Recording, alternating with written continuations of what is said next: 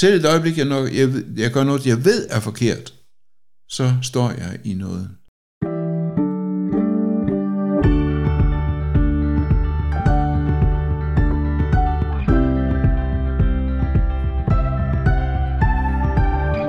Du lytter til podcasten Bible Break, en podcast fra Bibellæseringen, hvor vi sammen læser og diskuterer Bibelen. Jeg hedder Nikolaj, og jeg er vært for podcasten. Og for sidste gang i den her omgang sidder jeg over for Leif Andersen, som er underviser på Menighedsfakultetet i Aarhus. Yes. Velkommen til endnu en gang. Tak skal du have. Vi øh, er nået til kapitel 5, vers 1-11 i Romerbrevet, og jeg vil lige starte med at læse teksten. Da vi nu er blevet gjort retfærdige af tro, har vi fred med Gud ved vor Herre Jesus Kristus. Ved ham har vi i troen fået adgang til den nåde, som vi står i, og vi er stolte af håbet om Guds herlighed. Og ikke alene det, vi er også stolte af vores trængsler, fordi vi ved, at trængslen skaber udholdenhed, udholdenhed fasthed, og fastheden håb. Og det håb gør ikke til skamme, for Guds kærlighed er udgydt i vores hjerter ved helligånden, som er givet os. For mens vi endnu var svage, døde Kristus for ugudelige, da tiden var inde. Der er næppe nogen, som vil gå i døden for en retfærdig. Måske vil man våge livet for en, som er god.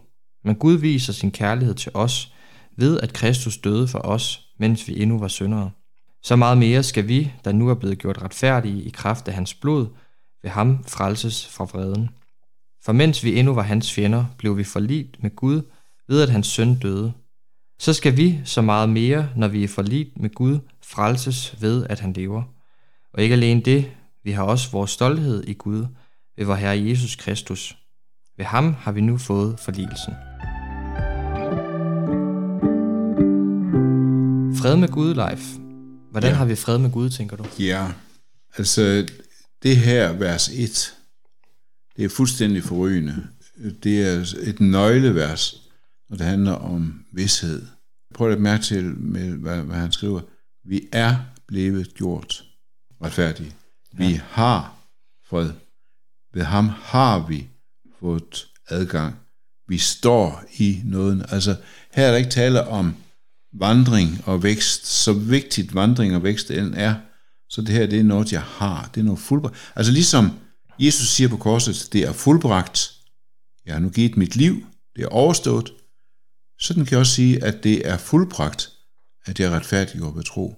Han siger ikke, at nu er jeg sådan langsomt ved at blive retfærdig, og jeg er blevet gjort retfærdig.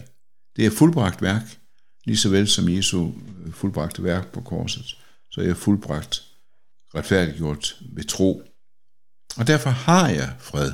Og det Paulus siger her, det handler ikke om det, vi også samtidig kalder for Guds fred. Guds fred i hjertet, som er en stor vigtig gave og en stor vigtig ting, og som øh, vi kan have sommetider og sommetider ikke, som han for eksempel taler om i, øh, i et af sine breve om, at øh, Guds fred, som overgår alt forstand, skal bevare vores hjerter og tanker i Kristus Jesus. Og, og det, er, det er sådan en oplevelse af fred, som man kan have i hjertet. Det er ikke det, han taler om her. Det er på baggrund af det, han siger senere, at vi var fjender. Og så bliver vi forligt det er ikke et ord, vi bruger så meget på dansk. Jo, vi bruger det i negativ form. At de og de politikere kan ikke forliges. Øh, de der to ledere kan ikke forliges. Gud og vi kunne ikke forliges. Vi var fjender. Vi var fjender af Gud, fordi sådan er vi født. Og dermed bliver Gud vores fjende, fordi han hader synd, han hader had. Og så bliver vi forligt. Og her bruger Paulus det ikke om, at øh, der sådan sker en, en, en forligelsesproces, øh, hvor vi hver kommer og, øh, og byder ind med vores, øh, vores bidrag. Nej, det er, en, det er en ensidig forligelse, hvor Gud ikke længere er vores fjende, fordi Kristus dør øh, i vores sted. Vi bliver forligt øh, ved, at hans søn døde. Så nu kan Gud og vi forliges. Øh, vi er ikke fjender længere.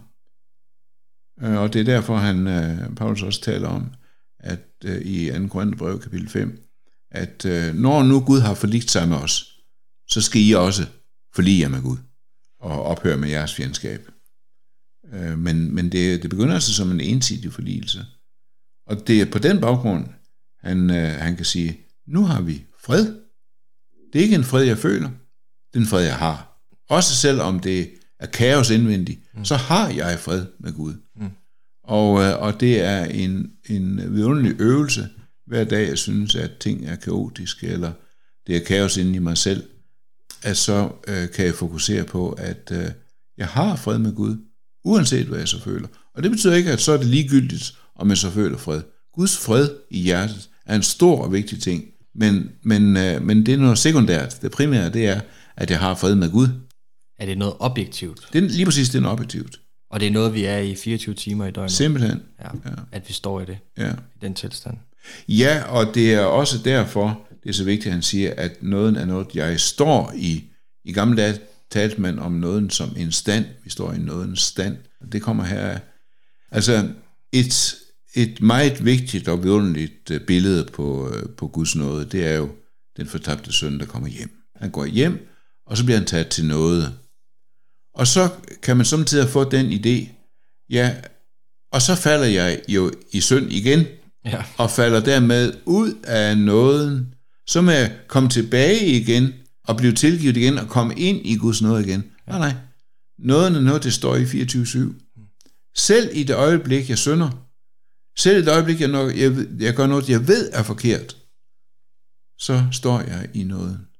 Så du tænker ikke, man falder ikke ud af noget, når man falder i søvn? Man falder ikke ud af noget ved at falde i synd. Man kan falde ud af noget ved at forhærde sig i det, men det er noget andet. Det er ved at blive tændt sammen, nægte at bekende det, nægte at bekæmpe det, mm. øh, nægte at gå i sig selv og bede om tilgivelse. Ja. Men når jeg lever i en bøn om tilgivelse, så lever jeg også i Guds nåde 24-7. Det synes og jeg faktisk er en ret væsentlig pointe. Det er en meget væsentlig pointe, og det er jo, det er jo frygteligt, at for eksempel, det øh, har vi haft tæt på, og for eksempel, der sker et selvmord og mennesker de øh, tager sit liv i fortvivlelse, så har der jo desværre været en skrøne om, at øh, jamen, de kan så ikke blive frelst. Mm.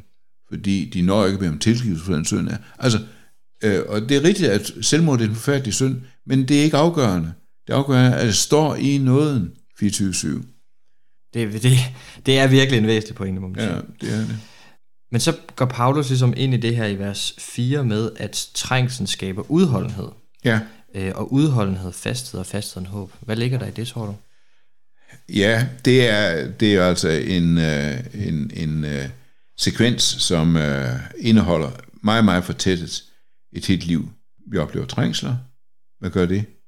Han skriver godt nok her på dansk, at vi er stolte af vores trængsler, men det er ikke heldigt oversat. Uh, fordi det kan lyde som om, jeg blærer mig af, at jeg har sådan nogle fine trængsler. Nej, det betyder egentlig, at jeg priser mig lykkelig over dem. De er til gavn, øh, og det er først og fremmest øh, trængslerne for Kristi skyld, trængslerne i efterfølgelsen af Kristus, men personligt tror jeg, at det også er alt andet, jeg lægger frem for Gud, mm. er svært. Øh, og, og så er udfordringen, at det skaber udholdenhed.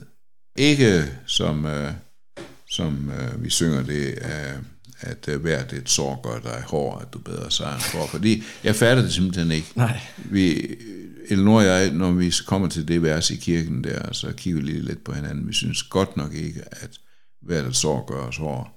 Men hvert et sår gør os udholdende, fordi vi vender os til Gud i alt, hvad der sker. Og det giver fasthed og håb. Og håb, det er, det er troen i fremtidsform. Ting er ikke løst endnu. Ting er ikke lysnet endnu, men jeg har håb om, at det lyser en dag. Og alle vores håb, som vi har til det her liv, om at jeg må få et arbejde, at jeg må finde en kæreste, at jeg må blive rask, at jeg må komme ud af depressionen, de er ekkoer af det eneste håb, som rækker ud over det her liv, nemlig evighedshåbet. Og det gør ikke til skamme. Øh, og det er det, han mener med, at øh, håbet gør ikke til skam, fordi der er, der er håb til det her liv, som vi kan øh, nære øh, fuldstændig legitimt og bede om hjælp til. Men der er også nogle af dem, der aldrig går i opfyldelse. Men der er et håb, som ikke gør det skamme, og det er håbet om, øh, om et evigt liv. Og derfor er det også vigtigt, at Paulus her, for første gang i de tekster, vi har, vi har været inde på, taler om Jesu opstandelse. At vi er blevet forligt med Gud, så frelses vi ved, at han lever. At han ikke, ja, han, han døde for os, og det har været et hovedtema i alle teksterne i Rombrevet indtil nu. Men nu kommer så også opstandelsen, at vi lever i opstandelsens liv, øh, og, og Kristus lever øh, som opstanden i os, mm. ved Helligånden. Og det understreger jo også vigtigheden i, at det ikke bare er en god historie eller et godt forbillede, ja. men at Jesus rent fysisk og historisk døde og opstod. Yes, og lige så fysisk som han døde, lige så fysisk opstod han. Og lige så, og nu må jeg ikke misforstå mig, fysisk kommer til at opstå på den yderste dag. Øh, jeg tror på kødsopstandelse. Ja. Vi tror på kødsopstandelse, det hører jo til, hører til vores trosbekendelse. At ligesom Kristus gik lyslevende ud af graven, med kød og krop og knogler og det hele, kommer vi til at gå ud af graven. Ja. Kød og krop og knogler og det hele. Vi skal ikke, vi skal ikke øh, leve som ånder øh, i et øh, luft, øh, luftigt univers. Øh, vi skal leve som mennesker på en nyskabte mennesker på en ny jord. Hvordan kan vi tage den her tekst med ud i vores liv? Altså jeg tænker for eksempel noget, der kunne være relevant, at som vi har været inde på, det er det her med fred med Gud. Hvordan tager vi den ja. med videre til de mennesker, vi møder på vores vej, ja. eller til os ja. selv og til verden? Her skal man gøre ligesom øh, vi skal i, øh, øh, i flyet. Man skal sørge for sig selv først. Ja. Man skal først tage sin iltmaske på, så kan man hjælpe andre. Mm. Man skal få fokus på øh, min egen fred. Ikke med, altså, at så, så er alt kamp over, ikke også? Men jeg får fokus på den fred, som jeg har, uanset hvad. Så kan jeg bedre række den videre til andre. Øh, ved at pege på Kristus. Mm. Fordi det er jo der, jeg har min fred. Det er jo ikke i øh, mig selv, men i Kristus. Og øh, når jeg så vil række den videre til andre, så gør jeg det ved at, at pege på, øh, på, på Kristus. Øh, og pege på den ekstreme kærlighed, som Jesus har vist.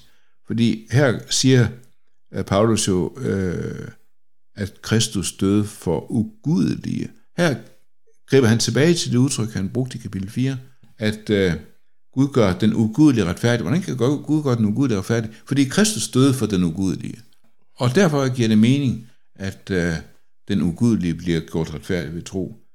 Øh, og derfor kan jeg gå rundt til andre ugudelige og, øh, og, og invitere dem til at, øh, at leve øh, troens og nådens liv øh, i, i, i Guds fred.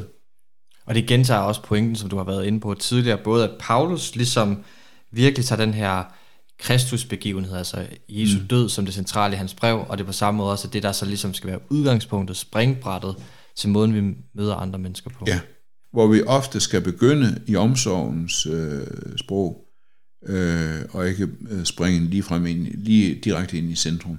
Ja. Øh, men vi skal begynde i omsorgens sprog, så folk kan mærke Kristi kærlighed i vores liv.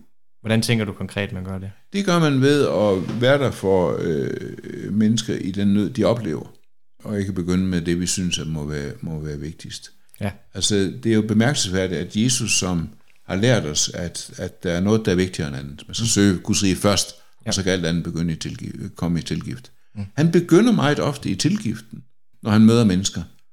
Øh, når de kommer til ham med deres syge, så siger han ikke, det er vigtigt, det er ikke vigtigt. Det vigtigste er Guds rige. Ja. Og det vigtigste, det er, øh, det er at blive frelst og få sin ja. forladelse. Han begynder med at vise omsorg for den nød, de kommer med. Og, øh, og så øh, kan han derefter understrege, at, øh, at, at Guds rige, det er, noget, det, det er syndsforladelsens rige. Det er en meget interessant pointe, den er med at, at, tage, at, at tage den, altså mm. gøre det i den rækkefølge, så at sige. Altså Jesu liv øh, er centreret omkring to øh, hovedfogi. Det er omsorgen og det er forkyndelsen. Han, han viser den her omsorg, fordi han tager menneskers nød alvorligt. Og en forkynder, eller en menighed, som ikke vil tage menneskers nød alvorligt, mm. vandrer ikke i Kristi fodspor. Og der skal vi jo ofte begynde i det, vi kalder for tilgiften. Og det tror jeg virkelig er noget, som vi alle sammen nogle gange kan have godt af at blive mindet om. Mm, ja. Fordi vi jo nogle gange gerne vil springe til det, som vi virkelig synes er vigtigt. Ja, ja, ja. Og, og dermed bliver vores forkyndelse det vigtigste, største fjende. Jeg synes, vi skal slutte af på det. Tak fordi du lyttede med til den her episode af Bibelbreak. Hvis du kunne tænke dig at vide mere om menighedsfakultetets arbejde, så gå ind på teologi.dk. Der kan du finde mange gode informationer om menighedsfakultetet og hvilket arbejde de driver. Og hvis du kunne tænke dig at vide mere om bibellæseringens arbejde, så gå ind på blr.dk. Tak for nu. Vi ses igen i næste episode.